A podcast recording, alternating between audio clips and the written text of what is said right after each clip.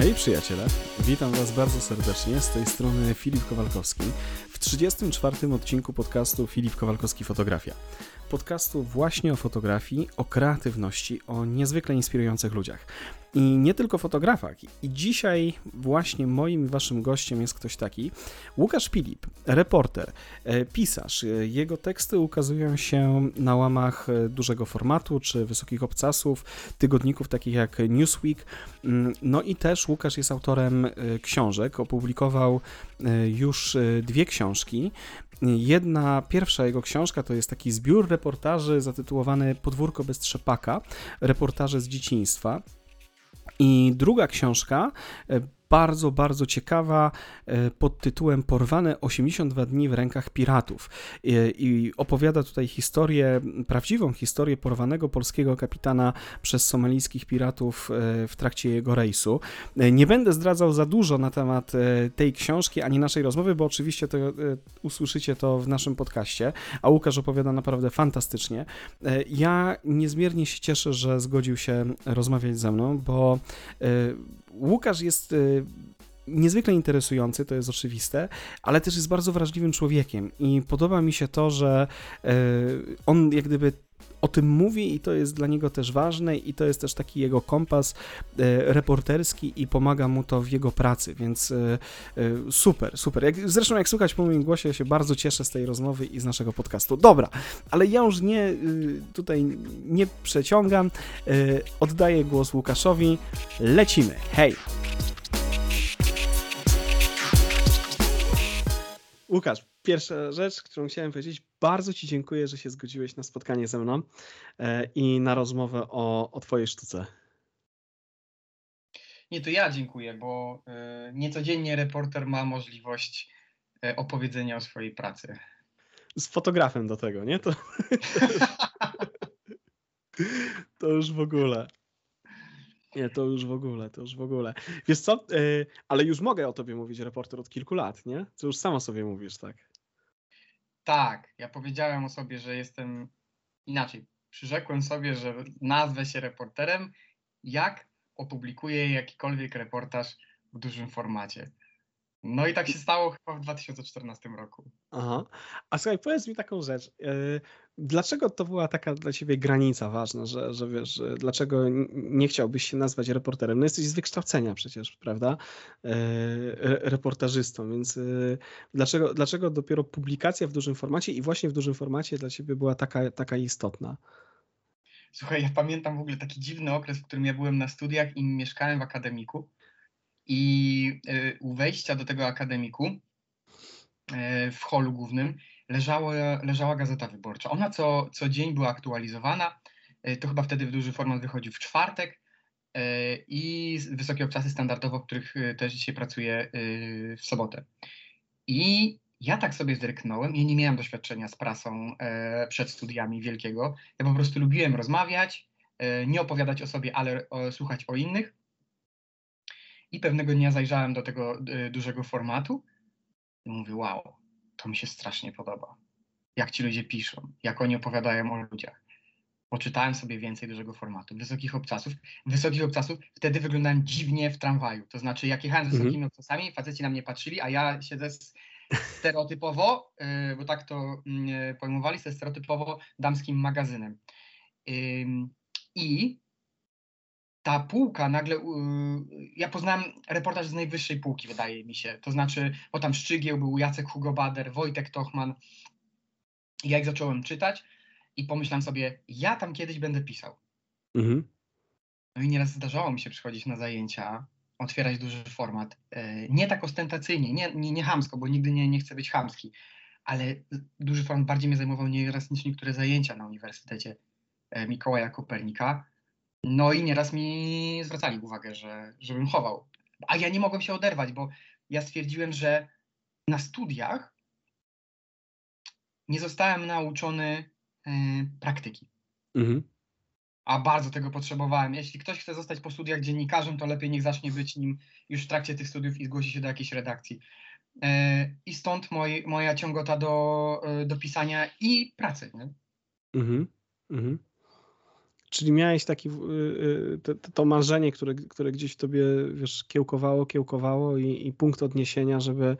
A jak to się w ogóle stało, że e, kiedy, nie wiem, dostałeś się do dużego formatu, czy, czy jak wyglądała twoja ścieżka, żeby tam opublikować? Czy, czy to było proste, czy, czy, czy to była jakaś droga przez mękę dla ciebie? Droga była kręta. To jest mhm. y, tak droga jak y, do mojego y, rodzinnego domu. Jak, jak jadą ludzie z Poznania przez, Czap, przez Czaplinek, to wiedzą, że tam między jeziorami jest kilkanaście zakrętów ostrych i na których można wylecieć nieźle z zakrętu, więc mnie się zdarzało z takich zakrętów wylecieć. Mhm. Y, dlatego, że moja droga do dużego formatu wcale nie była prosta. Y, y, ja starałem się, ja się tak wyprofilowałem mniej więcej na drugim roku studiów. Wiedziałem, mhm. że chcę być reporterem. I teraz robiłem wszystko, żeby, żeby nim być. Pierwsze, co zrobiłem, to mm, postanowiłem skontaktować się z jakimikolwiek redakcjami, które są w Toruniu, żeby w ogóle zacząć pisać, bo ja nie pisałem na studiach. No jak można pisać, e, potem nie wiedząc, e, jak to się robił w ogóle nawet na studiach. No i zgłosiłem się do redakcji. Nie pamiętam, jak ona się nazywała. E, pamiętam, gdzie się mieściła, bardzo blisko rynku. Ja tam przyszedłem, byłem umówiony z redaktorem naczelnym. On mówi do mnie, napisz, co robią studenci w trakcie sesji, jak się bawią. Nie ma problemu, mówię. Porozmawiałem ze studentami, oddałem ten tekst. No i on spojrzał na niego, ten potem redaktor mówi, nie, no musisz go poprawić. Potem on się ze mną już nie chciał spotkać. Umawialiśmy się, czekałem na niego 45 minut, godzinę, dwie godziny pod, pod pokojem. Nie, on w ogóle nie przychodził, olał mnie. Mhm. E, to było w Toruniu. E, potem dzięki Radkowi Rzeszotkowi, który prowadził też nasze e, zajęcia z reportażu i był i jest dziennikarzem, on mnie zakręcił jeszcze bardziej reportażem. Zrobił coś, czego nie robi się też ze względu na czas e, w gazetach. Pojechał ze mną na reportaż. Mhm. Świetne. Jeśli jedziesz z kimś bardziej doświadczonym i on ci pokazuje, jak pracować, no to to jest takie naprawdę niesamowite uczucie e, nauczycielskie. Mhm. A ja się potem przeprowadziłem do Poznania i stwierdziłem, że muszę ten, e, nadal coś zrobić i, stwierdziłem, że dziennikarstwo, nie jestem w stanie więcej się nauczyć na dziennikarstwie.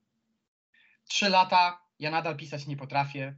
Stwierdziłem, że wybiorę polonistykę na, na, e, tutaj na UEM w Poznaniu i dzięki temu nauczyłem się lepiej operować słowem Pierwsze co zrobiłem, chyba to był wrzesień albo październik w nowym, na czwartym roku, bo tutaj magisterkę zacząłem. Poszedłem do redakcji, najpierw do Gazety Wyborczej. Przychodzę, to było w ogóle bardzo szybko mnie... To taki bardzo szyb, szybciutki, zimny prysznic. Przychodzę, mówię, dzień dobry, chcę u Państwa pracować. A oni mówią, zapraszamy w czerwcu. E, ja mówię, dlaczego? Wtedy zaczynają się praktyki dla studentów. Aha. No to pocałowałem klamkę, poszedłem do głosu wielkopolskiego. Powiedziałem im to samo, oni mówią, zapraszamy. Aha. No i chłopak z ulicy, nikt go nie zna. Zapraszamy następnego dnia do redakcji. Przyszedłem, e, jeden z redaktorów mnie prowadził, pokazał, tu będzie twoje biurko, ile chciałbyś pracować z nami. Świetne. Trafiłem na dobrego człowieka. Pracowałem tam trzy dni w tygodniu, no ale jakoś tak no nie czułem, że pisanie o informacjach z miasta mnie wciąga. Mnie, mnie ciągnęło do magazynu, tam gdzie, gdzie mogę czegoś więcej się dowiedzieć o ludziach, bo mnie szalenie interesowało, kim oni są, a, a nie żeby ktoś mi opowiedział, że trzeba odśnieżyć chodnik, albo mhm. jest dziura w drodze. Mhm. E, choć uważam, że każdy dziennikarz powinien przejść tę drogę. To znaczy, jeśli będzie umiał pisać o dziurach w drodze, jeśli będzie umiał pisać o śnieżaniu chodników przed własnym domem, bo kto inny się o nie, na nich zabije, to będzie umiał napisać większe formy, które od nich potem wychodzą. I nie uważam, tak jak uważał jeden z moich prowadzących na, na uczelni, że nawet małpę można nauczyć pisać informacje, yy, bo jest to duża obraza dla dziennikarzy, bo dobrą informację wcale nie jest tak łatwo napisać, mm -hmm. więc mm -hmm. i, i to samo dzisiaj mówię swoim studentom. Mhm. E, w Głosie Wielkopolskim popracowałem pół roku i zobaczyłem, że istnieje coś takiego jak Polska Szkoła Reportażu w Warszawie, którą założył, o ile się nie mylę, na pewno Mariusz Szygieł, Paweł Goźliński, który jest moim redaktorem moich książek teraz i Wojtek Tochman. No i tam pracowało się właśnie z tymi o których, których ja czytałem. E, szkoła kosztowała, ona wtedy kosztowała 12 chyba tysięcy, jeśli płaciłeś w ratach, a 8 tysięcy, jeśli płaciłeś jednym przelewem. Ja miałem te pieniądze częściowo, dlatego że trochę wcześniej pojechałem do Stanów Zjednoczonych do mojej y, ciotki e, i wygrałem w kasynach w Las Vegas trochę kasy. Okej. Okay. Pojechałem tam, poleciałem do Stanów, mając nie, znaczy trochę pieniędzy mają, y, mhm. mając w kieszeni, ale wyleciałem y, z większą gotówką. Pięknie. Ale y, w co grałeś? Słuchaj. Jednoręki to był. Jedno, czyli totalnie na szczęście, żeś, żeś poszedł. Tak, tak. No, to też mi trochę finansowo wtedy pomógł e, wujek i ciocia, bo mhm. wujek miał nieco więcej pieniędzy i czasem mi mówił, a Łukasz, jak chcesz, to sobie wrzuć. Ja sobie wrzucałem, bag wyskakiwało mi. Wróciłem z, ze Stanów z wymarzonymi Jordanami. E, e, e, tak, i, i pieniędzmi na szkołę reportażu częściowo, bo częściowo Fantastycznie. Sparli, sparli mnie e, rodzice. I wtedy powiedziałem sobie, że jak po tej szkole nie zacznę pisać, to się poddaję. Mhm. E, I w Polskiej Szkole Reportażu pierwszy mieliśmy, te, e, mieliśmy za, nie pierwsze zajęcia, ale zajęcia z Mariuszem Szczygłem, który powiedział, że musimy napisać jakiś temat.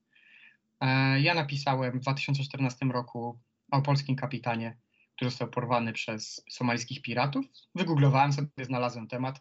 On natychmiast poszedł w dużym formacie, co było dla mnie bardzo dużym zaskoczeniem. Pamiętam, że jak wyszedłem z tych zajęć, był wieczór, wyszedłem za budynek i pomyślałem sobie, nie, to, to się nie dzieje, bo tak nie da się tak y, spełnić tych marzeń. Mhm. Ale dało. Za, aż za prosto, tak? Wiesz, że nagle się dzieje. Y, tak, prosto nie było, ale nagle. Y, no, no, no. I to mnie zaskoczyło. Ja się wtedy chyba nawet trochę delikatnie mi łza poleciała, bo też musimy widzieć, y, że ja pochodzę z małego miasta i bardzo dużo rzeczy budowałem na kompleksie małego miasta. Mhm. Nie na własnych umiejętnościach. Mhm. Myślałem, że jestem, będę ograniczony przez to, że wychowywałem się w takim mieście yy, z taką mentalnością, że jestem małym, yy, nadal uważam, że jestem taki żuczek, ale, yy, ale wiem, że y, zapracowałem y, dzisiaj sobie y, na to i i że to są moje umiejętności, nie znajomości, tylko to, że jednak umiem pisać. Mhm. Nie tak, jakbym chciał, ale, mm, ale wychodzi mi. Mhm. Więc, y, czy, czyli to był pierwszy taki na zajęcia, tak, napisany tekst, który po prostu został opublikowany w, w, dużym formacie. Wiesz co, powiem Ci, że mnie trochę y, rozbawiłeś, jak mówiłeś mi o Stanach, e, bo ja mam podobną historię y, związaną z fotografią, wiesz, i też ze Stanami, jak, jak byłem, byłem, chciałem pracować dla gazety lokalnej w Stanach, wiesz, bo też, bo ja znowu pracowałem w kasynie. I tam miałem taką sytuację, że poszedłem z moimi zdjęciami do, do tej gazety.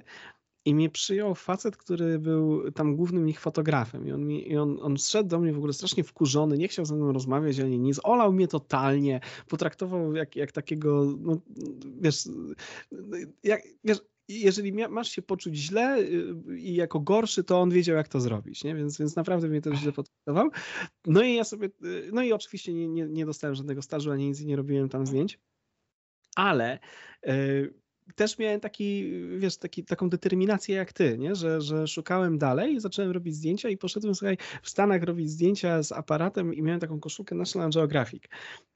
I, wiesz, I się wpakowałem gdzieś do jakiegoś budynku, który był e, jednocześnie e, policja, tam straż pożarna i tak dalej, wiesz, taki wielki konglomerat tych, tych, mhm. tych wszystkich służb. No i zacząłem jakiś Amerykanin, jakiś tam facet, który to strzegł tego miejsca i się pytał, co ja robię. A ja mówię, że ja fotografuję dla National Geographic geografik i że robię materiał o tym mieście, nie?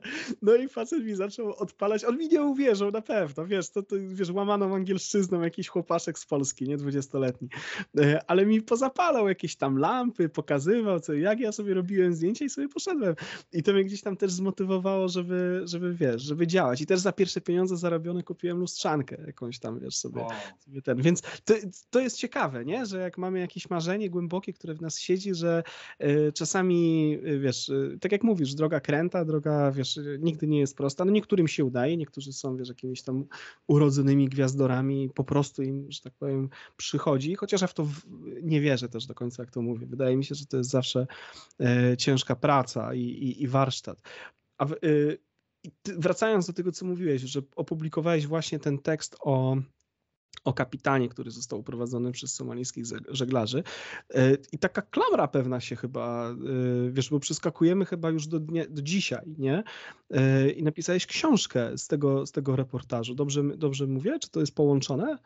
Tak, to jest niezła klamra, bo ja jak po tych zajęciach w 2014 roku powiedziałem sobie, przecież ten reportaż, to jest, kapitan był porwany przez 82 dni, mhm to się nadaje na książkę. Wtedy w ogóle nie wiedziałem nic o książkach, w sensie jak się je pisze, redaguje, tak. zbiera materiał, ale palnąłem tak.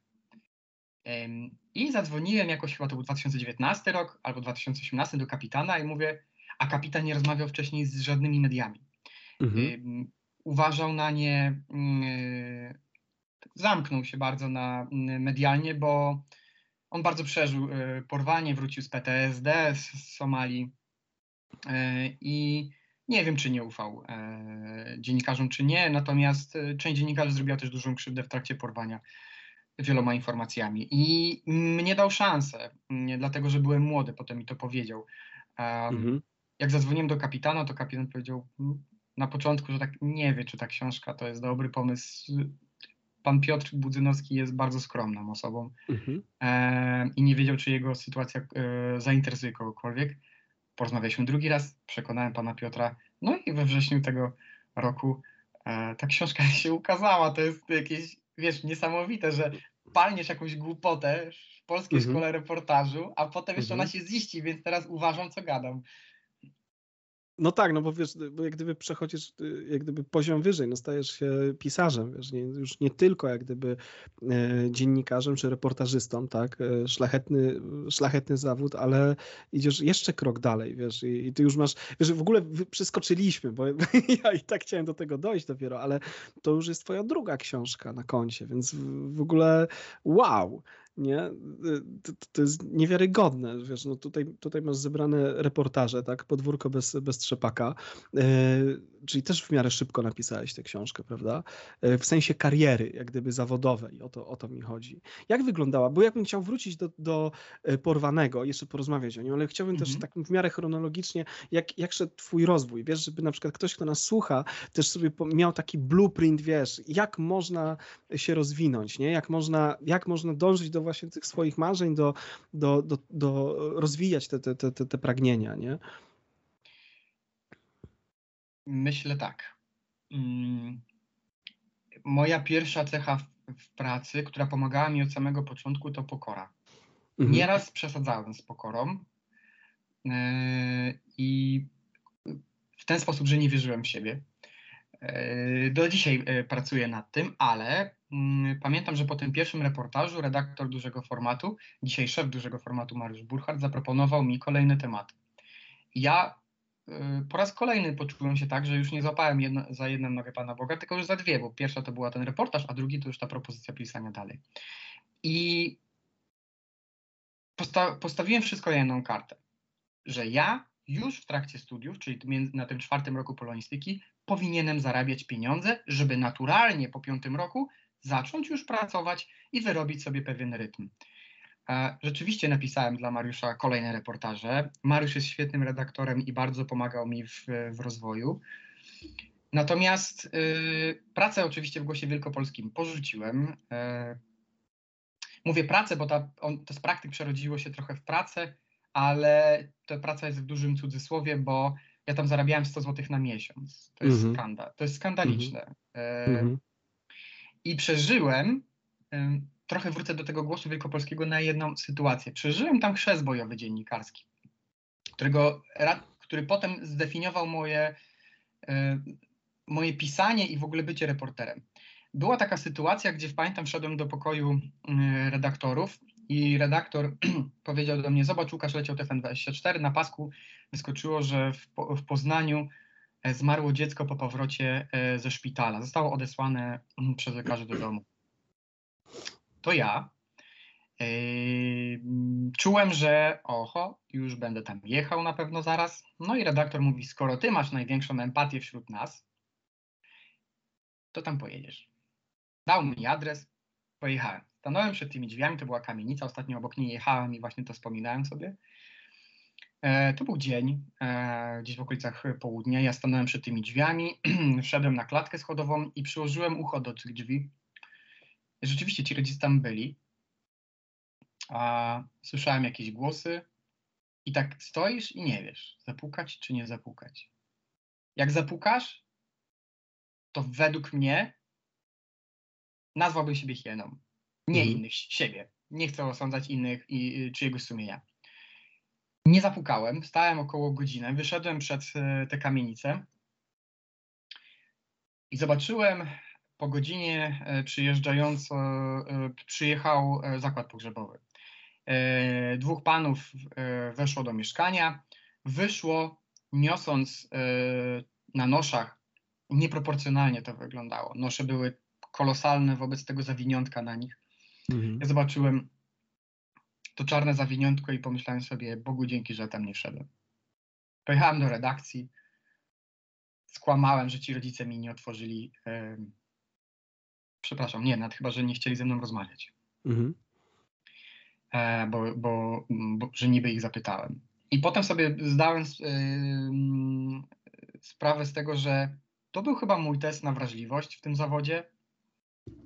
Bo nie możesz uprawiać tego zawodu bez bycia wrażliwym. Jeśli jesteś oderwany od emocji, to, to zapomnij, że ktoś inny się przed tobą utworzy. E, I dzisiaj sobie to wspominam. E, cieszę się z tego, że nie zapukałem tam. Jestem, nawet powiedziałbym, że jestem siebie dumny, bo zdefiniowałem e, mój styl takiej reporterki na, na, na lata. I kiedy opublikowałem w dużym formacie ten pierwszy, drugi reportaż, nie pamiętam o czym był drugi, ale zacząłem pisać już regularnie. Mm, a moją taktyką pisania było to, żeby sięgać po teksty i tematy, których nie umiałbym nigdy napisać. Okej. Okay. Jeśli dobrze, tak, to trochę rzucenie się do basenu yy, trochę głębokiego, bo jeśli nie umiałbym pływać, to bym utonął i raz mhm. utonąłem. Ale było tak, że jak umiałem pisać tak zwane one man story, czyli kiedy masz jednego bohatera i opowiadasz jego historię, e, wszystko było ok, to mi szło. Ale jeśli pojawiało się więcej bohaterów, na przykład jeśli musisz opisać mm, historię tego, jak e, młodzi ludzie dochodzą do, e, zbierają na swój pierwszy wkład e, na mieszkanie, na pierwsze mieszkanie, przepraszam, wkład na pierwsze mm -hmm. mieszkanie. Mhm. No to masz trzech bohaterów i musisz tę historię jakoś połączyć, dobrymi nićmi zszyć. Ja tego nie umiałem. Mhm. E, I pamiętam, że odezwałem się do Mariusza Szczygła, który do dzisiaj jest moim takim, ja Mariusza traktuję jako nauczyciela, i, ale też dobrego kolegę. E, I Mariusz mi powiedział, pisz o tych ludziach tak, e, pisz każdy rozdział o nich tak, jakby to, był, jakby to była osobna historia, traktuj każdego z osobna. I rzeczywiście to mi bardzo pomogło. E, dzięki temu było mi łatwiej pisać. Aczkolwiek uważam, że jeśli ktoś chce pisać, to jest to bardzo trudna czynność. Uśmiecham się, bo, bo kiedyś ją lekceważyłem. E, I lekceważyłem to, co robię na zasadzie. Ja zacząłem zajmować się takimi tematami już potem, naprawdę hardkorowymi. Mhm. Morderstwo dzieci, znęty nad dziećmi, molestowanie e, dzieci, dorosłych. Pamiętam, pojechałem do, do rodziny, gdzie, gdzie zmarło, zginęło dziecko, bo bramka spadła mu na głowę i kto był za to odpowiedzialny. Jechałem do kobiety, która była, miała zarzuty podwójnego morderstwa. Mhm. i żonie zostawiałem e, telefon do mojej redakcji, jeśli nie wyjdę do 13, to ma dzwonić po prostu do mojego redaktora. I ja to lekceważyłem trochę, nieświadomie, ponieważ mówiłem, a co tam, wracam do domu, siadam, piszę, oddaję. Nie. Myślałeś, że to nie będzie miało na ciebie wpływu pewnie, tak? Tak. I wiesz, jak to jest. Jeśli pracujesz, bo ja nie przychodziłem do redakcji, bo ja nie mogę przychodzić, bo mieszkam w Poznaniu. Mhm. E, do, warszawskiej, e, do, warszawskiej, e, do warszawskiego działu i całego działu, znaczy całej redakcji wyborczej. Ty siadasz, siadasz sobie w domu, budzisz się rano, jeśli już wracasz z tego materiału, budzisz się rano i jest sobie śniadanie, siadasz, voilà, piszesz. Śmiejesz się w pewnym momencie, że masz jeden krok do pracy, z łóżka do biurka. Mhm. Ja niestety to robiłem. I mm, znaczy śmiałem się trochę z tego, co podchwycili moi znajomi, mówiąc mi, no ale w sumie to co to jest za praca? Przecież to nie jest nic trudnego wstać i robić. I sytuacja się zmieniła, kiedy moja żona zauważyła, że chyba przesadzam i powiedziała, że, że przecież ty się zajmujesz bardzo trudnymi tematami.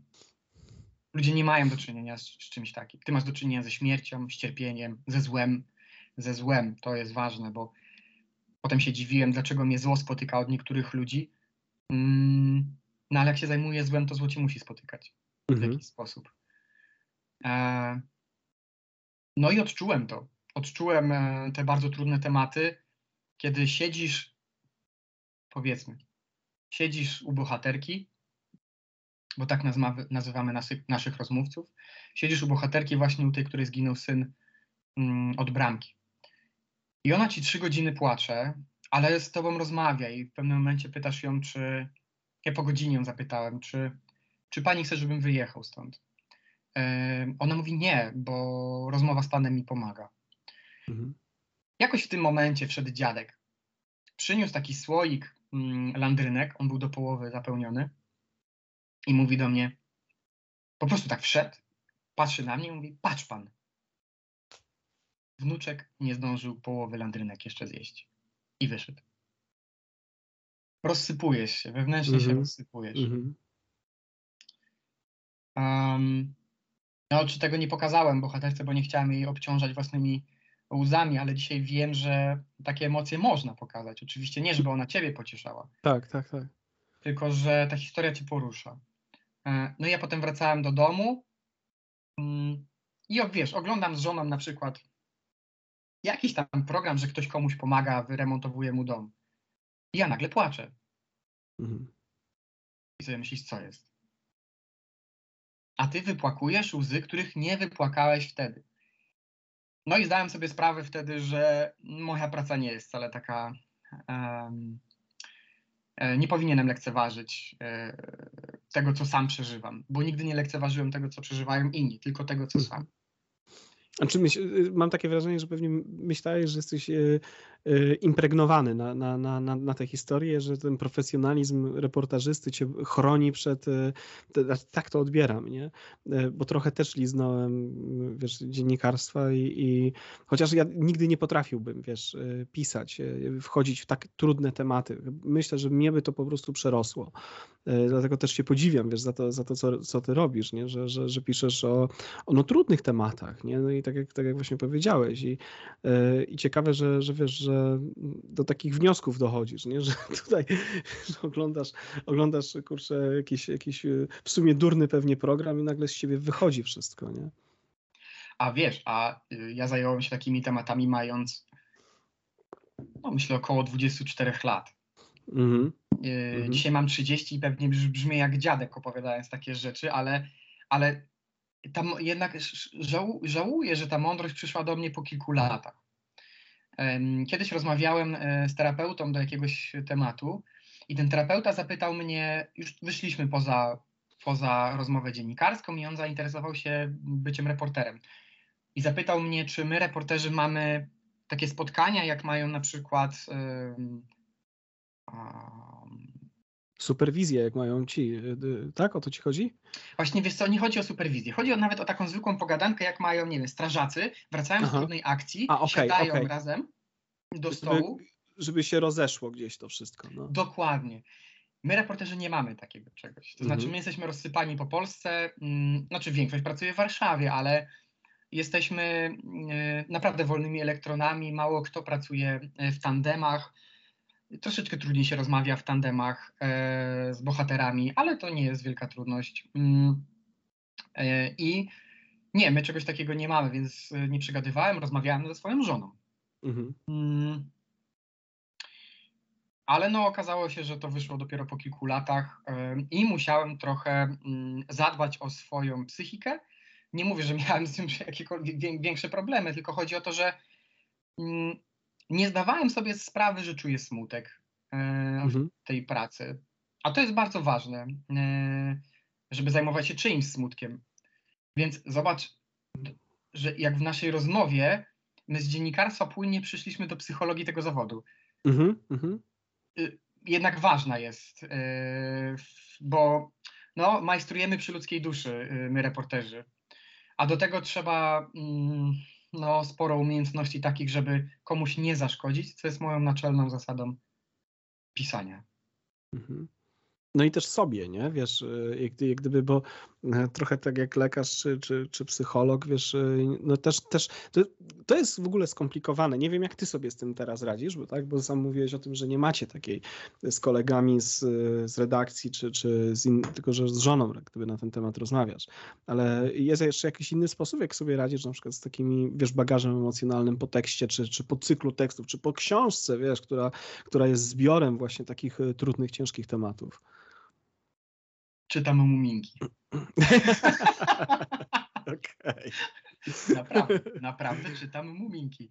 No, no, no. Yy, To brzmi yy, dosyć infantylnie, ale, mm, ale uwaga, yy, Muminki, siłą tej książki jest to, że odpoczną przy niej i będą się dobrze bawić dzieci, a dużo zrozumieją przy okazji dorośli. Chciałbym umieć pisać takie książki dla dwóch Mhm. grup odbiorców.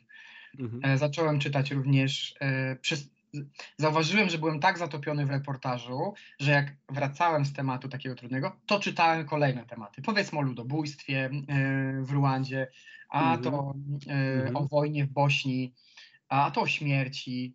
No, Mhm. głowa tyle nie wytrzyma przecież Mhm. nikogo. Mhm.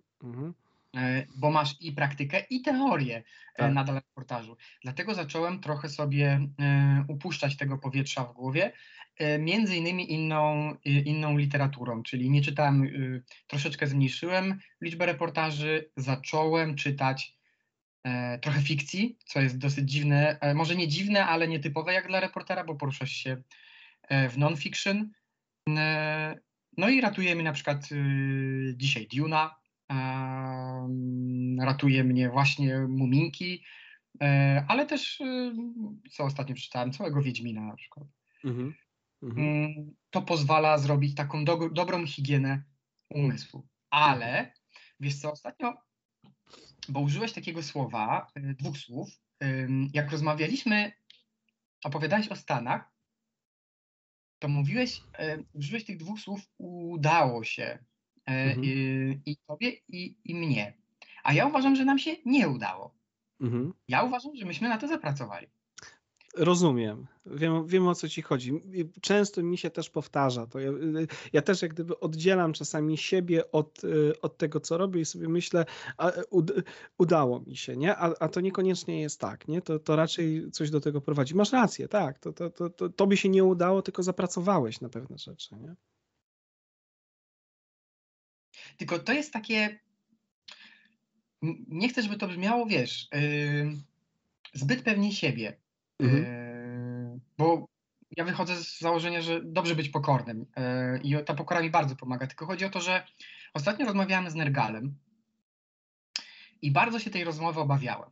To znaczy, bałem się, że charakter Nergala yy, mnie przyćmi. Yy, Jakoś skrępuje, nałoży na mnie taki katan, bo towarzysko, ja mm, miałem taki obraz Nergala. Mówię Nergal, bo ym, y, nie Adam, bo Nergal to tak naprawdę okazuje się drugie imię. Nergal to jest drugie imię właśnie Adama e, Darskiego. A to nie E, wiedziałem o tym. Tak, yy, i, a, a swoją drogą, co jest ciekawe i bardzo pasuje do Behemota, e, Nergal to z mitologii sumeryjskiej bóg, bóg wojny, zarazy e, i śmierci. Co bardzo się wpisuje w retorykę e, mhm. Behemota. I Nergal, e, rozmawialiśmy o kompleksach. To była piękna rozmowa. Po prostu um, miałem fałszywy obraz Nergala z mediów. Um, I Nergal powiedział o kompleksach, że on je ma. Ja powiedziałam, że też je mam. Na przykład, że długo budowałem um, patrzenie na swoją pracę przez perspektywę mojego miasta. I właśnie on mówił, że jemu się nie udało. On zasuwał z gitarą po różnych klubach, wycierał te sceny i swoją trudną, ciężką pracą doszedł do tego, co, y, do czego doszedł. I sobie pomyślałem, że fajnie opowiada o tej pracy, tak bardzo świadomie. I też chciałbym mieć takie świadome patrzenie na swoją pracę, chociaż uważam, że nieraz nam się jednak w tej pracy udaje, bo spotykamy dobrych ludzi po prostu na swojej drodze, kiedy, których ja niewątpliwie spotkałem, tak jak Mariusz Czygiel czy Mariusz Burchat, czyli szef mhm. Dużego formatu. Wiesz co, y, to, y, tak, ale to, to jest też jak gdyby, wydaje mi się, że my sobie też trochę pomagamy ok? Bo y, wydaje mi się, że jak ktoś jest wrażliwy i czy na innych ludzi, szczególnie na innych ludzi, tak jak, bo powiedziałeś ty znowu ciekawą rzecz, że po tych kontaktach, jak gdyby i poszukaniu tematów, o, które są złe, negatywne, to zło do ciebie też jak gdyby przychodziło, nie? Że zacząłeś jak gdyby e, może w jakiś sposób przyciągać. Mi to zaintrygowało, bo trochę mi, przypomniało mi, odniosłem to do siebie, jak pracowałem w gazecie jako fotoreporter i też, i też miałem do czynienia ze złem, nie? I też widziałem mhm. rzeczy, które i, i, na przykład ja, ja nie chciałem mieć z tym nic wspólnego. Nie? Wola, wolałem jak gdyby kompletnie odejść od tego, bo nie chciałem przy, przyciągać tego do siebie. Ale do czego zmierzam, że yy, tych, tych dobrych ludzi spotykamy właśnie ze względu na tę wrażliwość, moim zdaniem. Że to jest takie, taka forma przyciągania trochę, że wiesz, że, że, że ludzie się gdzieś tam rozumieją, widzą i, i, i wiedzą, że, że to przyniesie coś dobrego, jeśli wiesz, o co, o co mi chodzi. Tak. Nie? nie na zasadzie takiej, wiesz, y, wykorzystania, tak, y, bo to, jest, bo to jest powszechne w naszym dzisiejszym świecie, moim zdaniem, tylko na zasadzie właśnie tworzenia, o, budowania, nie? Zgadzam się w stu procentach, bo jednak wiesz co, jak sobie pomyślałem o tym, wymieniłeś bardzo ważną cechę dla mnie, ale nie tylko reportera, tylko człowieka, którą jest wrażliwość. I ja zdobyłem e, dwie nagrody na festiwal. To jest, to jest w ogóle niesamowity festiwal, festiwal wrażliwy. Mhm. E, raz, nawet stoją y, y, przede mną i, codziennie na nie patrzę, to jest bardzo miłe. Y, nagrodę mm, za najlepszy reportaż i nagrodę za twórcę szczególnie wrażliwego. I ja sobie pomyślałem, że te nagrody to jest obciążenie. To jest świetna sprawa. To znaczy, jeśli ktoś cię docenia i twoją pracę, mhm. świetne, ale jednak jest trochę obciążające, bo jesteś wrażliwy. A dlatego, że ostatnio odbierając, wręczając komuś nagrodę na tym festiwalu, powiedziałem, że wrażliwość, wrażliwość, wrażliwość trzeba umieć oswoić w sobie. Że jak wejdziesz z nią, jak wejdziesz z nią nieoswojoną, to jak, jakby się spotkał z tygrysem w klatce. Mhm. Będzie raban jak nie wiem co. Jeśli to oswoisz, no to masz coś pięknego w sobie. A jeśli nie, to możesz sobie dużo krzywdy samemu nawet zrobić, bo twoja wrażliwość będzie wykorzystywana przez twoich bohaterów, a było, tak? Mm, dlatego, no, to może mie być mhm. miecz, który siecze w dwie strony. Tak, wiesz co, w ogóle... Y, siłą rzeczy, jak gdyby jestem troszeczkę też związany ze środowiskiem dziennikarskim i to jest y, ja patrzę na dziennikarzy trochę w ten sposób, czy na reportażystów, że oni, wy y, balansujecie na takiej cienkiej linii pomiędzy wrażliwością a mm, taką znieczulicą i cynizmem.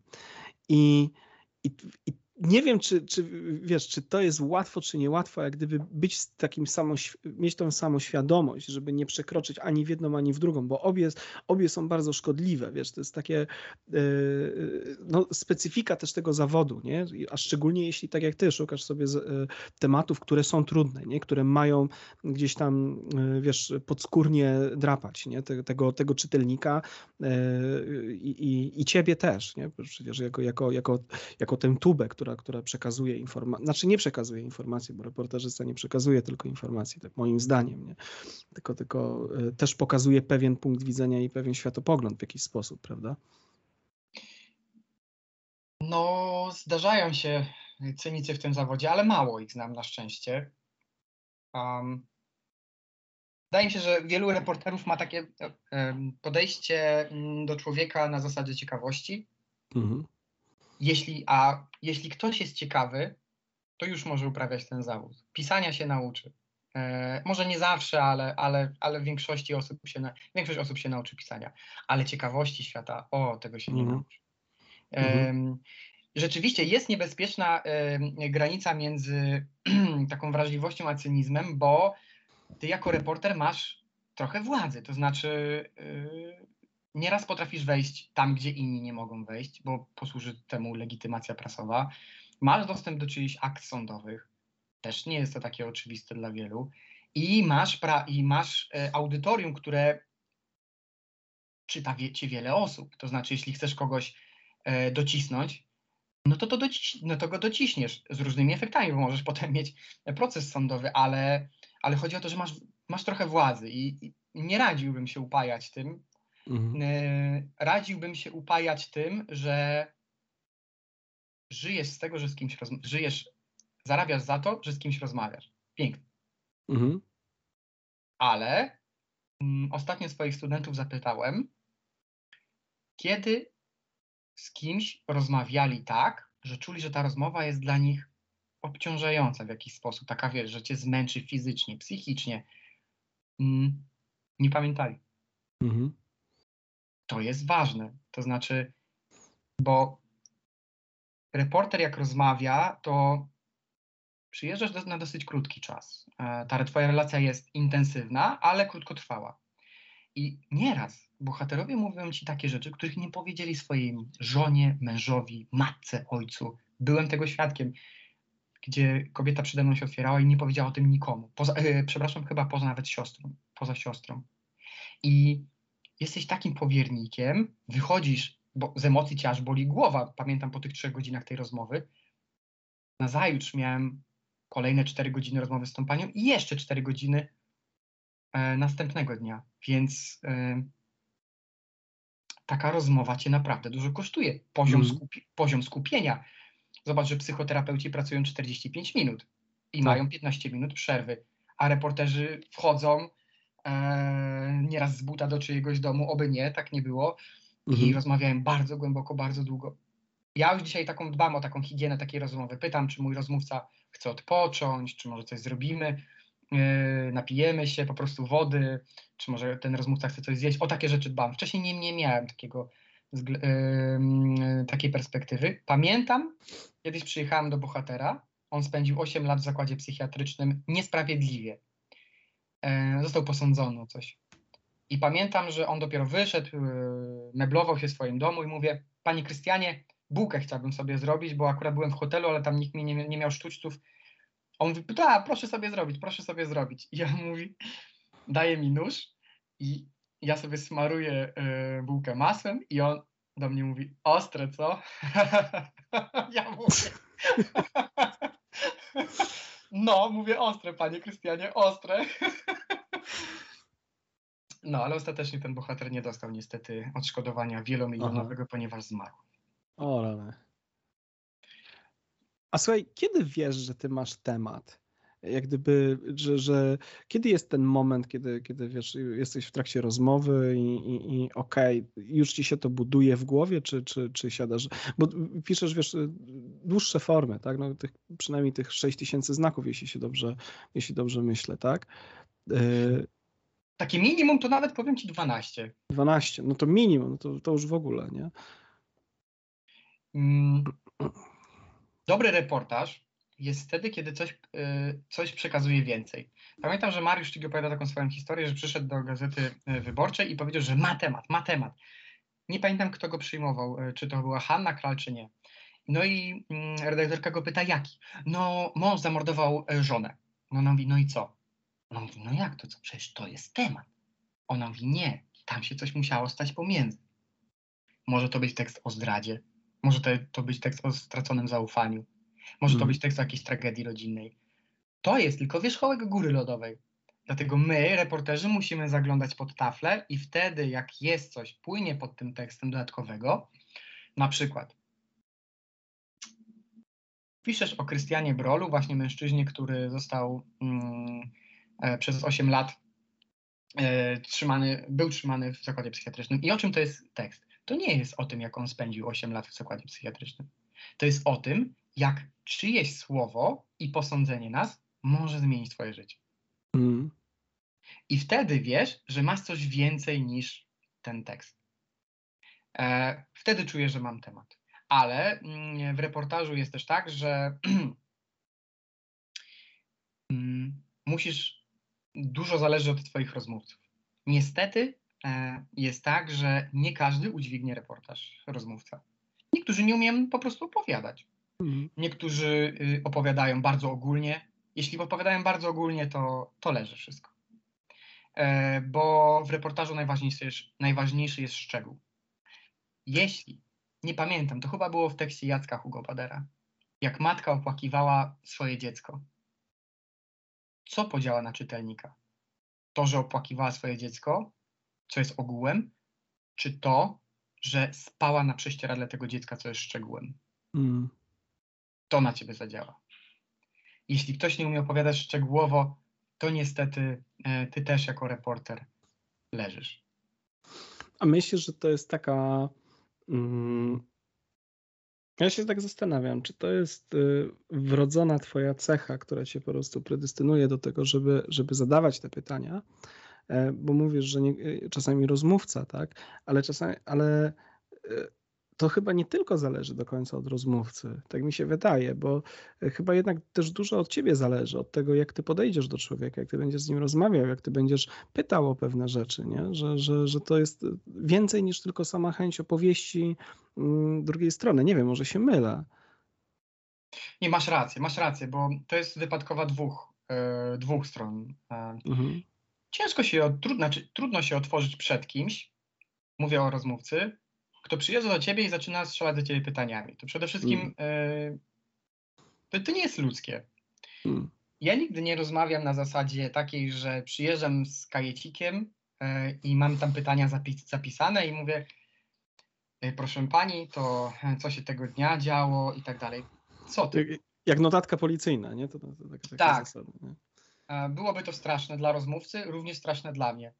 Niektórzy się dziwią, bo ja przyjeżdżam, pierwsze, co robię, e,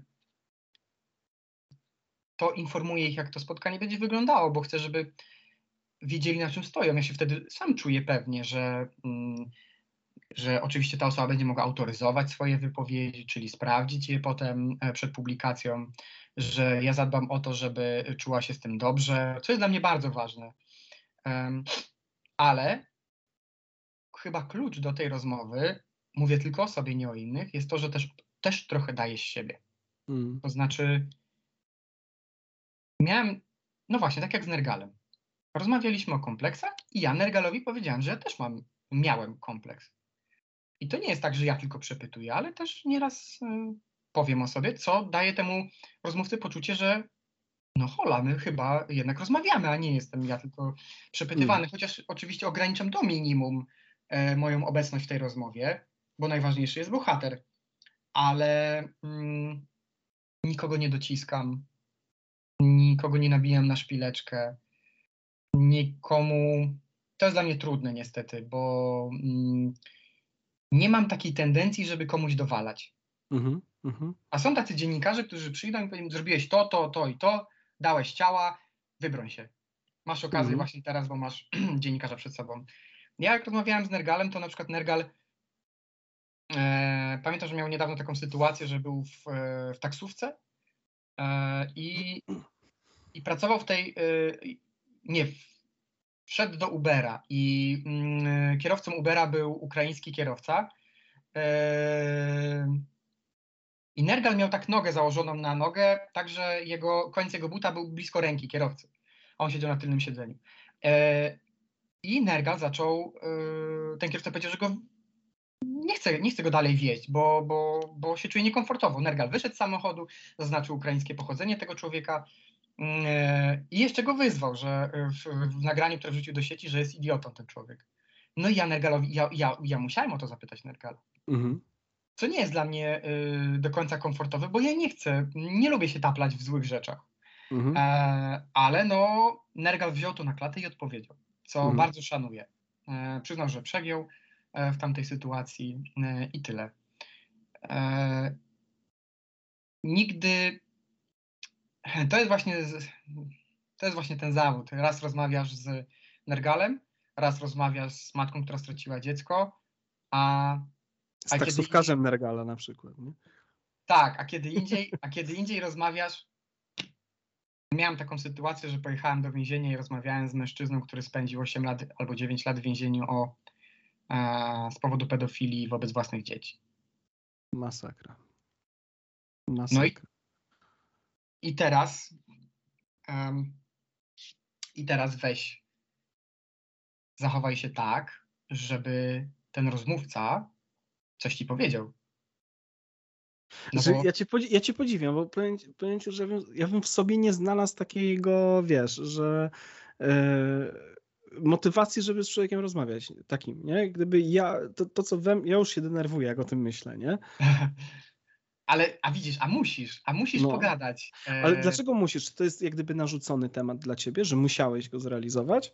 Nie, ponieważ jeśli chcesz, żeby reportaż był obiektywny, a chociaż on i tak mm. nie będzie, bo, mm -hmm. bo przepuszczasz go przez sito swojej głowy, to musisz porozmawiać ze wszystkimi osobami, których dana sytuacja dotyczy. Mm -hmm. Więc nie tylko musiałem porozmawiać z dziećmi, e, ale musiałem też porozmawiać e, z tym człowiekiem. On mm. też ma prawo e, do wypowiedzenia swojego zdania. Niestety, no tak, niestety albo niestety, tak jest. Więc musisz być przygotowany na i dobro, i zło. Mm -hmm. No, no powiem ci, że to jest wstrząsające, wiesz, jak gdyby i sam temat, i, i, i to, że, że e, no sam temat przede wszystkim, nie? I, i, i fakt, jak gdyby stanie naprzeciwko człowieka takiego. E, tak, tak, tak. No to ja powiem ci, że, że ja, ja, mam ciarki, nie? Gdzieś tutaj, jak mi o tym opowiadasz, szczerze mówiąc. No a pomyśl sobie, że kurczę, jak wychodziłem z tego więzienia, e, to pamiętam, że był słoneczny dzień, opuściłem te mury, e, mogłem z powrotem wszystko włożyć do plecaka, bo musiałem go wyładować przed wejściem do, e, do sali e, widzeń. Mm, ja wyszedłem, zaciągnąłem się tak mocno tym powietrzem, rozejrzałem się po ulicy i dopiero sobie uzmysłowiłem, jak ja nie doceniam tego, co mam dookoła. Mhm bo ty możesz skręcić w lewo, w prawo, pójść do sklepu, zawołać taksówkę, możesz sobie coś kupić, na co masz ochotę. Ten człowiek nie ma. Mhm. No, no tak, tak. Jak gdyby, okej, okay, ja to, to rozumiem, jak gdyby, że, że, że taka, taka konfrontacja nie? i to, ta świadomość dla ciebie musiała być niewiarygodna. A powiedz mi, wiesz co, yy, ja bardzo lubię Kapuścińskiego, nie? sobie poczytać od mm. czasu do czasu, ale on był strasznym, wiesz, bajkopisarzem w tym wszystkim, nie? Lubił, lubił sobie troszeczkę te, te historie dopompować. Y, czy czujesz coś takiego czasami, że historia potrzebuje delikatnego kopniaka, nawet jeśli on nie, na przykład nie miał do końca miejsca albo coś takiego, czy to jak gdyby ciebie nie interesuje, takie ubarwianie e, historii, że one już się same muszą e, bronić? Nie mógłbym tego zrobić. To znaczy, mhm. czułbym się wtedy jak strażak przyjeżdżający do pożaru i jeszcze dolewający oliwę mhm. e, do, do tego pożaru. Że Jasne to jest niezgodne z etyką mojego zawodu, więc y, nie, w życiu tego nie, nie zrobiłem i nie zrobię. A powiem Ci więcej, że w ogóle, że wydaje mi się, że życie jest tak interesujące i nieprzewidywalne, że ono będzie czasem lepsze niż fikcja. Że może się nie spodziewać tego, co się w życiu dzieje, bo ktoś pomyśli, a nie, to pewnie ktoś to wymyślił. No słuchaj, na przykład taki temat, mm, który wydaje Ci się, że jak to jest w ogóle możliwe? Pojechałem kiedyś napisał do mnie student z Białego Stoku, że ma takiego kolegę, e, Maćka, który jest e, doktorantem prawa. Nic cię na razie nie zaskakuje w tej historii. Każdy może starać się o bycie doktorem prawa. No dobra, ale sytuacja komplikuje się wtedy, kiedy dowiaduje się, że Maciek nie mówi. Okej, okay. Maciek jest autystą. Dobra, e, w dodatku Maciek zna 6 języków i ma IQ na poziomie tam chyba ponad 140, o ile się nie mylę. I mówisz sobie, nie no, to, to już wtedy od razu wiesz, że jest temat. Jedziesz, Mhm. siadasz przed tym chłopakiem i on nic. Nie mówi, nie patrzy ci w oczy. Autyści nie patrzą raczej w oczy. E, jego językiem jest mama, która jest z nim na wykładach, e, razem z nim chodzi do toalety, razem z nim porusza się po wydziale, ona mu notuje, bo Maciek nie notuje. E, to jest historia na film, Mhm. kurczę. I ty siedzisz przed tym Maćkiem i on, i prosisz go, żeby coś ci napisał, a on tego nie lubi, bo czuje się wtedy jak zwierzę w cyrku, żeby udowodnił, że on jest jakiś wybitny. Tak, tak. I, e, ale chciałem po prostu zapytać o jego uczucia. I wyobraź sobie, że on pisze, że jego ciało pisze na zasadzie mm, klawiatury na, na e, mm, ojej laptopa. Mama podtrzymuje mu łokieć, a on stuka. I co stuka? Moje ciało jest moją kulą u nogi. No, to masz bombowe zdanie. E, jeśli spędzi z Maćkiem więcej czasu, a ja pojechałem z nim na przykład na lekcje, wiesz, na lekcje logopedyczne z nim, tak właśnie musisz pracować ze swoim bohaterem, e, być w jego życiu, e, no to, no to już wtedy wiesz, że to jest temat i że to się nie zdarza codziennie, a jednak, a jednak ktoś taki w Polsce jest, istnieje i gdybyś słyszał, że to fikcja, to byś szybciej uwierzył w to, nie, że to, że to, niż że, że to prawdziwe życie. A jednak Maciek istnieje. Chyba już nie wiem, czy nie jest czasem doktorem prawa. Eee, to trochę przypomina mi, e, on się też kontaktował w ogóle w, pierwszym, e, w pierwszych takich latach życia. Wyobraź sobie takimi tablicami, gdzie był alfabet. Jego mama wymyśliła to alfabet, A, B, C, D, po prostu i on sobie stukał literki. I oni mówią, Boże, on mówi. Ja pierniczę. No, to, jest, to jest historia, nie? Jest, to, i, i, wiesz, no nie sposób się dziwić, że ciebie to fascynuje, nie? Absolutnie. No, no jak, jak spotykasz takich ludzi i, i wiesz, i, możesz o nich opowiedzieć, to, to jest po prostu niewiarygodne. Wiesz co, ja bym, ja bym jeszcze chciał wrócić do, do, do kapitana, do historii, bo, to, bo to jest też taka piękna właśnie, jak wcześniej już rozmawialiśmy, klamra e, twojego rozpoczęcia e, i też e, takiego dobrego miejsca, w którym chyba teraz jesteś zawodowego, tak mi się wydaje, nie? Yy, wiesz, yy, czy, czy, czy nie? Znaczy nie chcę mówić, wiesz, o górnolotnie, sukces, spełnienie i tak dalej, bo na pewno mi powiesz, że gadam głupoty i, i jeszcze daleka droga przede mną, yy, chyba, że się mylę, ale... Nie, nie mylisz się.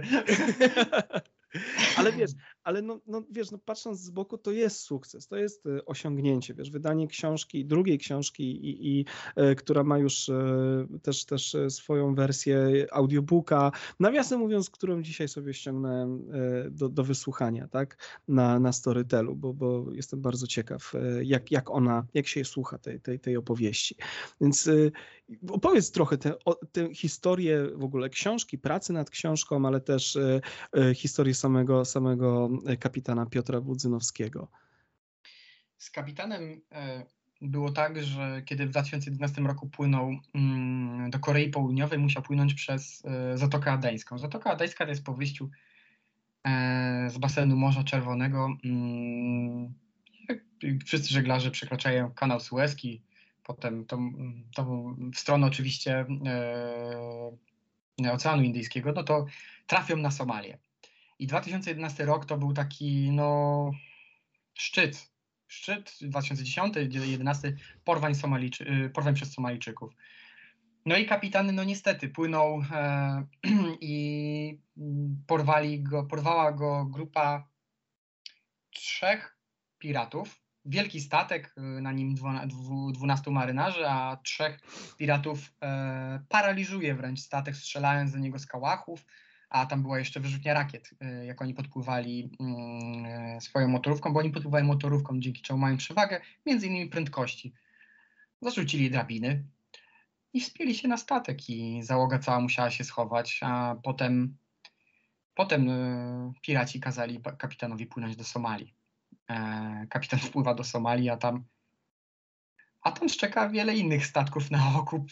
Taki, ja się śmieję, że to jest takie kotwicowisko statków, które które to jest niemożliwe wręcz dla nas, tak wiesz, że zrobisz z lotu ptaka zdjęcie, patrzysz, statki, na nich załoga, ludzie czekają na miliony i jak nie, to zginą.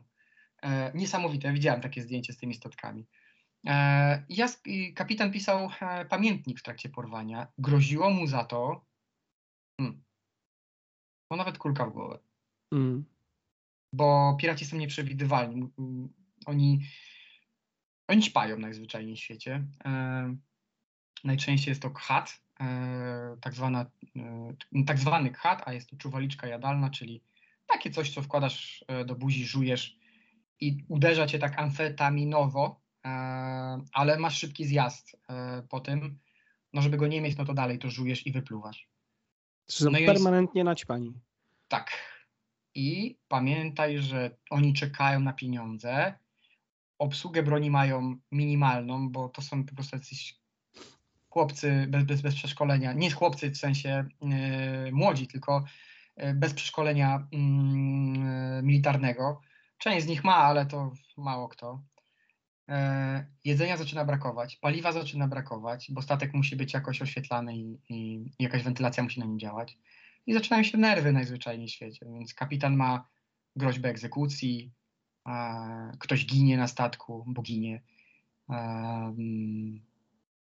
No, mało brakuje, mało brakowało, żeby kapitan również zginął. Już to kilka razy nawet.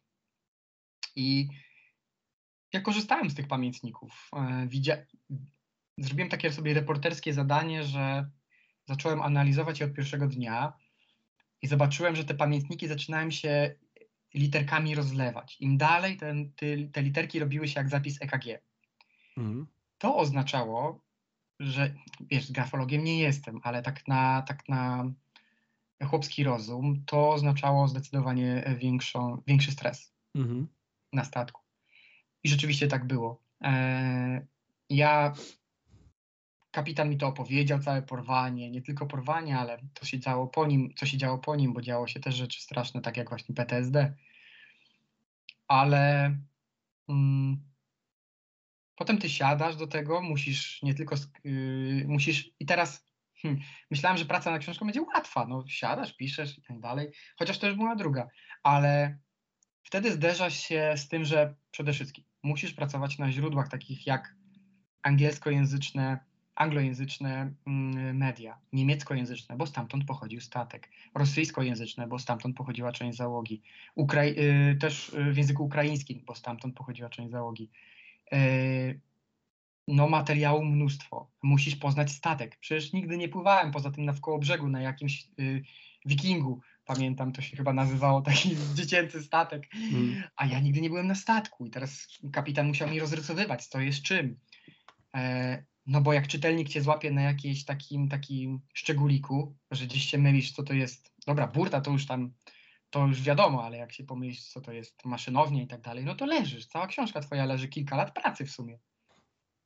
E, to to, musisz porozmawiać z ambasadorem, e, musisz porozmawiać z NATO, ja rozmawiałem z NATO, e, z kim jeszcze?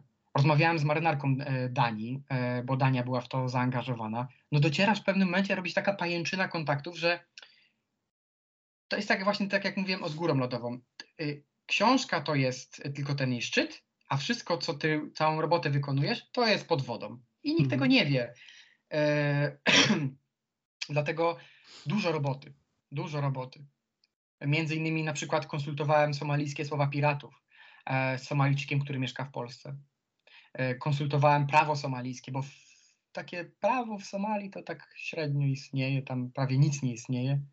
Somalijczycy mają swoje prawo, tak zwane kser. A czy oni, a czy oni nie mają jakiegoś, ci piraci jakiejś takiej swojej, w cudzysłowie, autonomii tam, tam na miejscu, że oni nie, wy, nie wyodrębnili takiego swojego państewka, dobrze myślę? Mają, mają, mają. To chyba był, o ile się nie mylę, Puntland, yy, bo Somalia jest w stanie, woj- w stanie wojny domowej. Mhm. Yy, piractwo jest ukrócane, bardzo dobrze ukrócone zostało, nie przez Somalię do końca, ale przez siły międzynarodowe. No ale mhm. na przykład dzisiaj czytałem, że po drugiej stronie Afryki, e, w Nigerii, e, o ile się nie mylę, został porwany inny Polak. Teraz, e, tak? W tym tak, momencie. Tak, tak, tak. Somalijczycy już nie porywają, ale mhm. Nigeryjczycy dalej to robią. Ich model porwań się różni, bo oni zabierają cię na ląd, a, a Somalijczycy trzymają cię na statku przy brzegu. Mhm. I teraz e, operujesz w tej książce na ludzkim cierpieniu niezwykle ekstremalnym. Bo jednak e, kapitan mi powiedział, że on został odczłowieczony. Ja zapytałem w jaki sposób. No i teraz dowiadujesz się. Pozwalając się wysikać wtedy, kiedy im się na to podoba. Yy, powiedzmy, zjesz wtedy, kiedy im się też to spodoba. Więc nie zjesz przez kilka dni. Oni ci grożą bronią. Patrzą ci prosto w oczy i na przykład sobie podrzucają na, na nogach karabin wycelowany w ciebie. No i jest odbezpieczony. Jak huknie, to huknie. Eee, twoja załoga zaczyna mieć syndrom sztokholmski. Mm, ty jesteś kapitanem, więc musisz odpowiadać za nich wszystkich. To jest ten poziom stresu, w którym po prostu um, oni na przykład wykradają twoje rzeczy z, yy, z pomieszczenia i zakładają twój sweter. I pokazują ci ten sweter, to był prezent od córki kapitana. I ubierają się i pytają, czy ładnie wyglądają. Nie? Czujesz się tak, jakby ktoś ci grzebał w, w bieliźnie, w szafce z bielizną. Mm. E, poza tym śpisz na podłodze 82 dni. Kiedy wracasz do domu po tym porwaniu, to żona cię odnajduje, i to jest pra prawdziwa e, historia, to żona cię odnajduje leżącego pod kiblem w nocy i pyta, co ty robisz, a ty mówisz, no ale ja tak spałem. Więc znowu, więc znowu jakiś dotykamy jakiegoś kręgu zła. Mhm. A kapitan, widzisz, zamilkłem, nie? Bo to, to jest wstrząsające. Słuchaj, a y, jakieś permanentne, takie oprócz psychicznych, tak, śladów y, też, też odniósł? Jakieś, czy oni go tam torturowali, męczyli na tym, na tym, na tym statku, czy, czy, czy to się skupiali, skupiali się bardziej na, takiej, na takim znęcaniu się psychicznym nad nim? A, bili go. Mhm. Był taki Mohamed, który miał w sobie niesamowicie dużo agresji i wyładowywał ją na kapitanie i bił go kablem na przykład. Kablem zasilają, e, zasilającym komputer. Wyrwał ten kabel i zaczął go układać. E, kapitan e, nie był raz bity. Pamiętam taką sytuację, że nie chcę też spoilerować książki. Ale, jasne, jasne, jasne. Ale kapitan został wyciągnięty na skrzydło został wyciągnięty na skrzydło e, statku. To jest skrzydło, to jest, to jest e, e, wyjście z mostku na, na lewo albo prawo.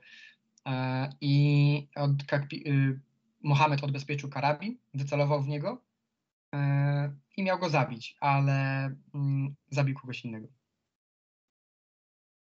O mój Boże. Na oczach Straszne. Kapitana. Straszne. I to nie była niestety jedyna ofiara śmiertelna.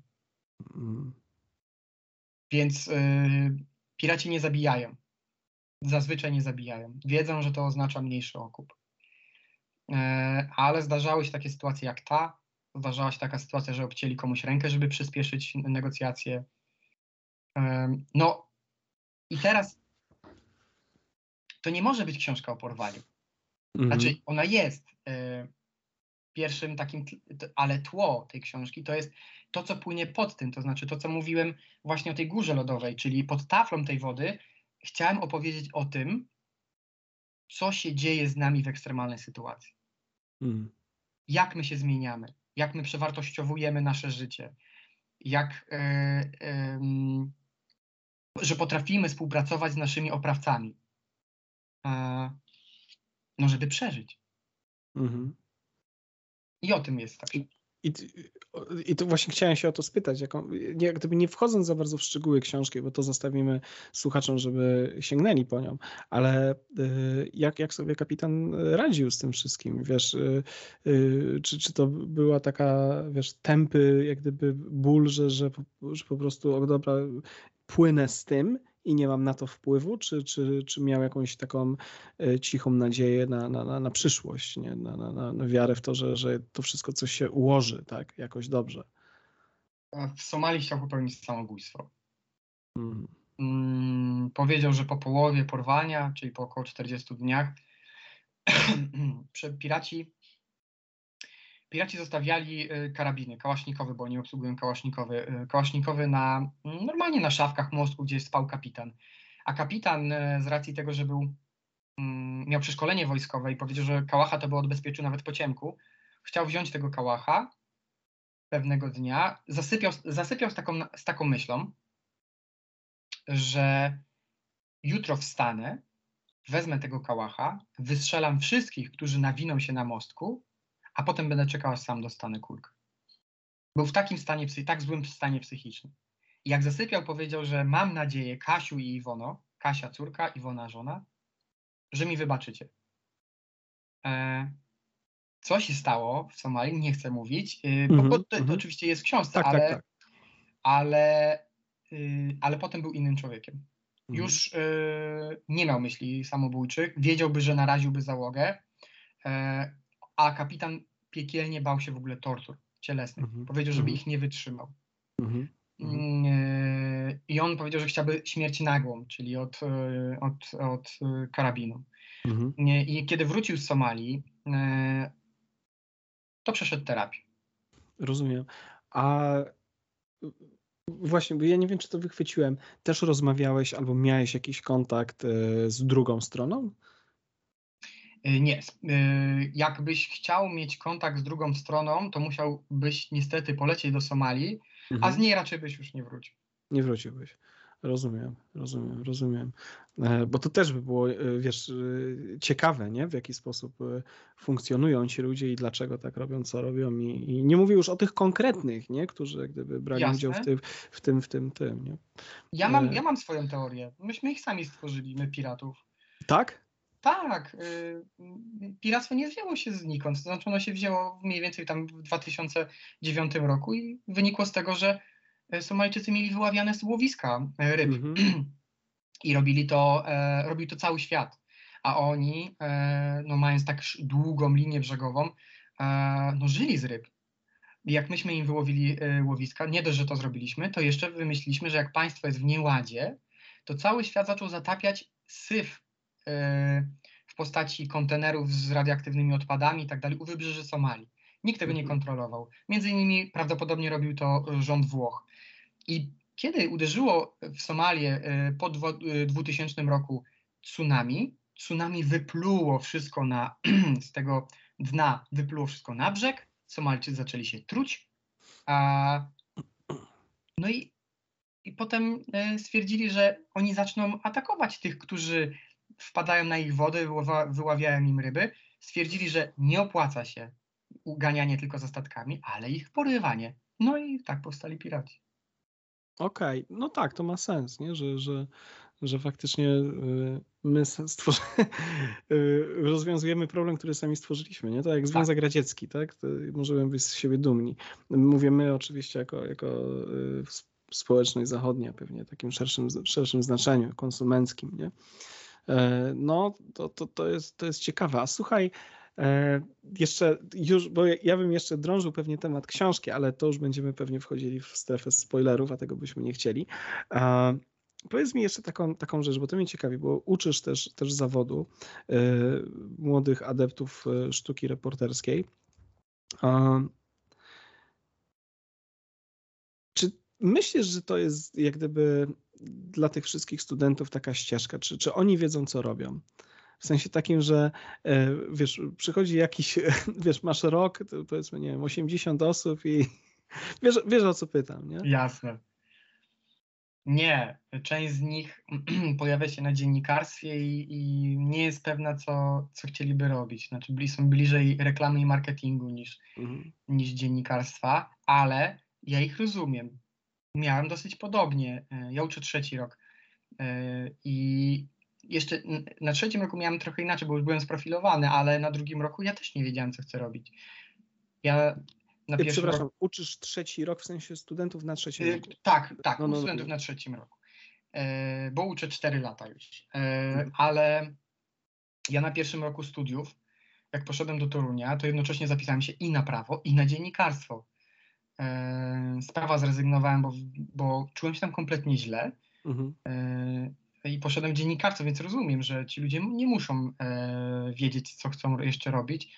Dobrze by było, ale nie osądzam ich. Co dziwne, e, mało kto ich pyta o zdanie. To znaczy, mhm. kim są, co czują. Wiesz, mm, prowadzenie zajęć prowadzeniem zajęć, ale mnie się wydaje, i mówię o tym dlatego, że pracuję z młodzieżą jako reporter i wiem, że młodzież jest niewygadana. To znaczy, my dorośli traktujemy a głupoty y, w umysłach dzieci są i one nie mają nic ciekawego, jak, jak poglądu na świat. Gówno prawda. E, gdybyśmy słuchali dzieci, bylibyśmy mądrzejszymi dorosłymi.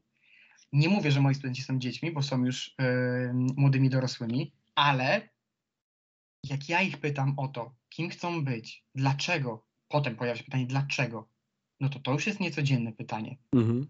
E, to oni, pytam ich, co ich denerwuje. Ostatnio ich pytałem, co ich denerwuje. I poprosiłem, żeby napisali komentarz na ten temat. E, to przy okazji uczyli się pisać, ale czuli, że ich zdanie, jest, tak, mhm. ich zdanie jest ważne. E, a oni mają wrażenie, że właśnie mm, mało kto się ciekawi nimi. Więc mhm. y, ja zaczynam na przykład zajęcia od tego, co oni widzieli. Zawsze zaczynam, bo mamy zajęcia w poniedziałek o godzinie 8, no to to jest hardcore dla, dla, dla studentów. No to ja z nimi, z nimi e, e, pierwsze tam 10 minut mniej więcej to pytam, co widzieliście, co czytaliście, co słuchaliście ciekawego i co z tego wyciągnęliście dla siebie. I oni opowiadają. E, ja pytam, to o czym była ta historia? To jest tak jak u tego szczygła. To nie jest tylko historia, że ktoś zabił kogoś. Tam jest coś więcej. I oni uczą się opowiadać i widzieć w tekście, w filmie, w podcaście coś więcej. Fajne.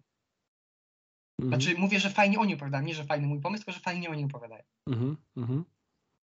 No tak, oczywiście, gdyby tych y, wybranych, którzy będą chcieli, czy będą się rozwijali w tym zawodzie, no bo oczywiście zawód dziennikarski jest bardzo rozległy, tak, bo szczególnie dzisiaj, tak, bo może być, y, możesz być reportażystą, tak, piszącym dłuższe teksty, ale wtedy wydaje mi się, że to musi w tobie być, że nie ma ludzi z przypadków, a, a już na pewno nie Y, nie na pewnym poziomie, nie? To tak, tak mi się wydaje, mam taką nadzieję przede wszystkim, nie?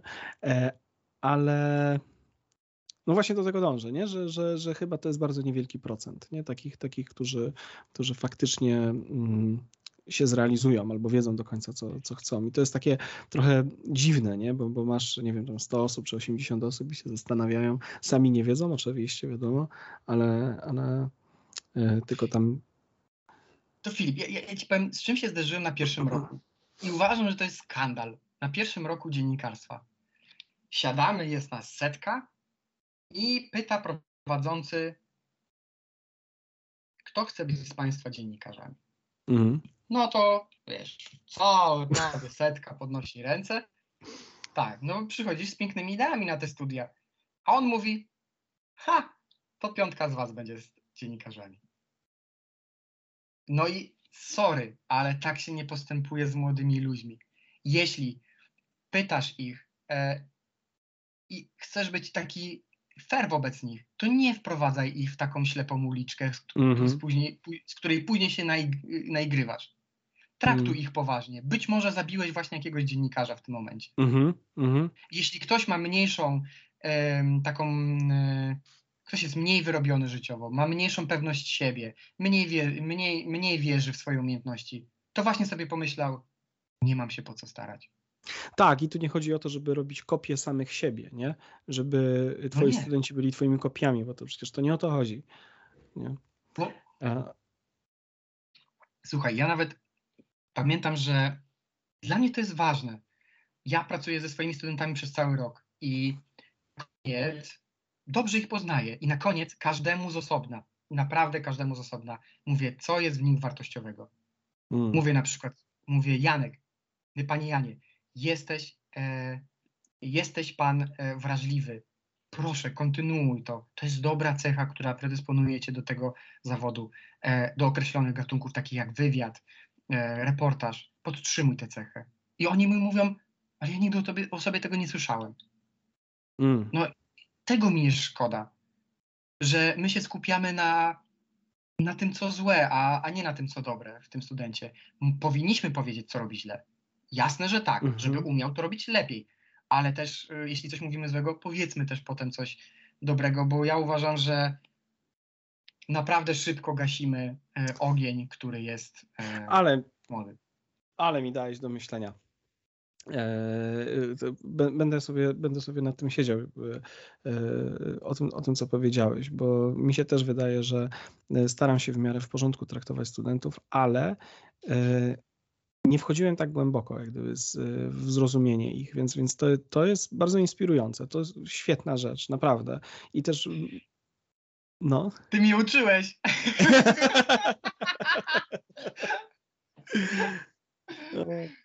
A byłeś, a, a powiem ci, że byłeś bardzo dobrym nauczycielem dla, e, dla mnie. E, I nie słodzę ci, e, Filip, tylko mówię o tym, że co, jest dla, co było dla mnie ważne. Nie zapomniałeś, jak to było po drugiej stronie ławki. Mhm. Byłeś sprawiedliwy, a nie taki, który wchodzi, ma władzę, bo teraz stoi po drugiej stronie ławki jako prowadzący i mówi: To teraz ja mam długopis i was mogę uwalić. No nie, bo to bez sensu. Jest to, jest taka, to, to, to tylko by pokazało, że wiesz, to jest ego, nie? Krzyczy. Wiesz, to, to brak pewności siebie, brak jakiejś takiej. E, to nikt, taki człowiek nigdy nie powinien w ogóle mieć do czynienia z innymi ludźmi, a już na pewno nie powinien uczyć, e, bo nie ma czego uczyć tak naprawdę, moim zdaniem, nie? Że nie chodzi o to, żeby gnoić e, ludzi. Ale wiesz co? Mm, Kurczę, ale nam się gada dobrze, a jest e, fajnie, fajnie, wiesz co, bo, bo, bo, to są, bo to są ciekawe, ciekawe rzeczy, ale mnie też cieka bardzo interesuje też e, przede wszystkim ty, twoja kariera i to, jak ty piszesz, jak, jak podchodzisz do, do tematów. Jestem ciekaw też tego, co będzie dla ciebie takim kolejnym dużym wyzwaniem, wiesz, zawodowym, co byś chciał osiągnąć, czy może, czy może z kim byś chciał rozmawiać, albo o kim chciałbyś napisać? Wiesz, e, e, coś, co, czy myślisz w ogóle w takich kategoriach projektu, e, czy, czy po prostu on się nadarza w trakcie pracy? Myślę. Myślę, ale też często się zdarzają takie projekty. Pierwszy, pierwsza moja książka była zbiorem reportaży. Druga była, chciałem napisać taką powieść non-fiction, mm, a trzecią, czyli znowu coś, czego nie robiłem, a trzecią książkę chciałbym napisać biograficzną, czyli coś, czego też nie robię, nie wiem jeszcze jaką to, jaka, czyja miała być to biografia, ale no znowu uważam, że jak nie pisałem biografii, to bardzo chciałbym to zrobić. Mhm. Nie wiem, czy kogoś żyjącego, czy nieżyjącego. To w ogóle to jest śmieszne, jak ja o tym opowiadam, parady, yy, bo yy, to ma znaczenie, to ma duże mhm. znaczenie dla reportera, bo y, ten może ktoś się może bronić, może nie. Dobrze by było mieć tego kogoś, jeśli y, chciałby się z nim porozmawiać, bo inaczej musisz rozmawiać z rodziną wszystkimi dookoła, ale y, no to traktuję jako wyzwanie. Na razie szukam takiego, y, takiej sylwetki do opisania. Y, co ważne, y, ja bardzo długo w siebie wątpiłem. Myślę, że część pierwiastek wątpliwości jeszcze w sobie mam i to nie jest tak, że czuję, jestem w dobrym, znaczy czuję, że jestem w dobrym miejscu. Oczywiście, że tak, tylko wiem, że dobro nie trwa wiecznie. Trzeba je pielęgnować, wymasować. Dlatego staram się um, dbać o to, żeby, żeby cały czas jakoś zwiększać te swoje umiejętności. Znowu właśnie tym, czego nie robiłem wcześniej, czyli na przykład biografią ale y, jednocześnie dbam o też taką ciągłość reporterską, czyli pisanie do magazynów typu Wysokie Obcasy, Newsweek, e, Psychologia i, i duży format, bo to podtrzymuje we mnie e, takie cały czas reporterskie e, umiejętności. A ciężko mhm. być, bo ja jestem wolnym strzelcem i, mhm. i nie jest łatwo strzelać tak pomysłami non-stop. Mhm, to jest już do, jestem w tyle komfortowej sytuacji, e, że redakcje wiedzą, że mm, można mi zlecać e, tematy. To jest mhm. bardzo miłe, bo, bo to się na początku mi nie zdarzało. Młodym reporterom też to się nie zdarza. Jest, znaczy jestem młody, tylko chodzi o doświadczenie w, w tak, zawodzie. Tak. Więc wtedy już za, ufają e, ci redakcje, wiedzą, że możesz pojechać gdzieś na delegację. No to wtedy otrzymujesz te tematy sam bardzo miłe. Z książkami czasem również to się tak zdarza, że odzywają się same wydawnictwa do ciebie, kiedy byś pomyślał, wow, to jest, to jest aż niemożliwe. I ja pamiętam, że jak pierwszy raz zaproponowałem swoją książkę, to odprawiłem taniec radości po prostu w pokoju. E, no bo I słusznie, mam taki, i słusznie. No tak, y, mam takie. y, Cały, ca- cały, cały czas nie wierzę, że, że jak patrzę na półkę, to że obok tych moich książek, cesarzy reportażu, których wcześniej wymieniłem, postawiłem swoją i tak patrzę. Dziwne uczucie. Dziwne i traktuję jako takie trochę jeszcze nienormalne. Chociaż Mhm, mhm. to druga książka, ale nie chcę się do tego przyzwyczajać. Jasne, jasne, jasne. E, Łukasz, kurczę, pięknie Ci dziękuję za, za kapitalną rozmowę. Wiesz co, fajny świat wprowadziłeś mnie i, i, i, i słuchaczy. Um, powiedz mi jeszcze taką jedną rzecz. E, gdzie można dostać książkę i tytuł książki e, twojej ostatni, Twoją ostatnią? Wszędzie. To znaczy, jak się wpisze w Empiku, jak się wpisze w internecie, Mhm. e, można śmiało ją e, dostać. E, ostatnio widziałem, e, to nie jest dobre dla autora oczywiście, bo autor otrzymuje pieniądze od egzemplarza, ale Mhm. ostatnio widziałem moją książkę za 20 zł, a ona normalnie kosztuje 40, więc, Mhm. więc e, dla czytelników to jest świetne, e, ale tak jak każdy sobie wpisze, to i znajdzie. Okej, czyli porwane 82 dni w rękach e, piratów. Zgadza się. Jak ktoś woli słuchać, jest audio. Jest audiobook, e, tak. Ja, ja e, słucham, ostatnio mało czytam, raczej słucham, bo, bo skupiam się właśnie na, na, na obrazie, więc nie mam też czasu za bardzo. Znaczy, czas jest, umówmy się, nie? Ale, ale, ale wygodniej mi zwyczajnie się, się słuchać. Łukasz, jeszcze raz. Przepięknie Ci dziękuję za, za rozmowę. E, Życzę Ci, żebyś, e, wiesz, znalazł ten temat, tę te, tę osobę do, do opisania. Jestem przekonany, że to będzie e, kapitalny materiał, bo, bo wkładasz tyle serca w ogóle w swoją pracę, że to jest no niewiarygodne, naprawdę niewiarygodne. To ja dziękuję. To jest dziwna dla mnie sytuacja, że ja mogę mówić. No ale fajnie mówisz, więc, więc to, to, to jest ekstra. Dziękuję. Dziękuję. A wiesz co, Filip, powiem Ci ostatnią rzecz.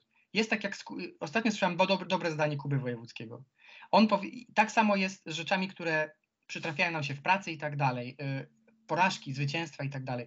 Raz, że, że, że taka praca jest trochę jak tenis. Raz walisz y, w boisko, raz w linię, a raz poza kort. Mhm. Normalne. Pewnie, pewnie, pewnie. I to by było na tyle. Dzięki Wam pięknie za wysłuchanie tego odcinka. Moim Waszym gościem był Łukasz Filip. E, Jego książki możecie dostać tak naprawdę w każdej księgarni, a jeśli ktoś nie lubi czytać, to na pewno Porwany jest też dostępny na Storytelu. E, No cóż, mnie i moje prace możecie zobaczyć na mojej stronie internetowej www.filipkowalkowski.com. Tam też dostępny jest podcast, no i też na Instagramie czy na e, Facebooku. Ja przepięknie dziękuję za wysłuchanie tego odcinka i docenię każdy komentarz, e, który mi zostawicie. E, Na, na Spotify'u dodałem taką opcję i można od razu bezpośrednio e, komentować. Jest to dla mnie bardzo ważne, bo dzięki temu wiem, czy idę w dobrym kierunku z podcastem, więc doceniam każdy, naprawdę każdy komentarz. To co? Z mojej strony to wszystko i już niedługo kolejny odcinek. Pa pa! Hej!